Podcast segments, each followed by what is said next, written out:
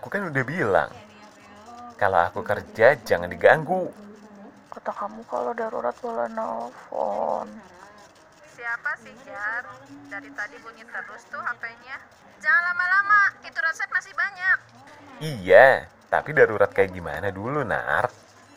Ada yang sakit? Udah dibawa ke rumah sakit? Hajar, tadi jadi nggak konsul ke dokter saraf? Udah, Bu.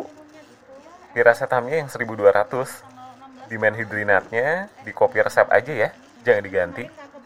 Kenapa nggak dicari nih tulisan konsulnya? Oh iya, maaf Bu lupa. Kamu sibuk banget ya.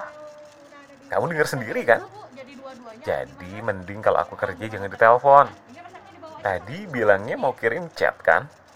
Kalau aku senggang, pasti aku balas. Tapi kalau daruratnya pakai banget gimana? Telepon ke kantor aku ya. Aku bisa telepon lebih lama kalau pakai telepon rumah sakit. Bisa pura-pura ada pasien yang mau konsul atau apalah. Nomor teleponnya yang mana? Kan ada banyak. Yang belakangnya 111. Nanti minta disambungin ke line 375. Oke. Aku lanjut kerja ya. Kamu juga lagi kerja kan? Nanti aku telepon lagi pas aku istirahat. Iya.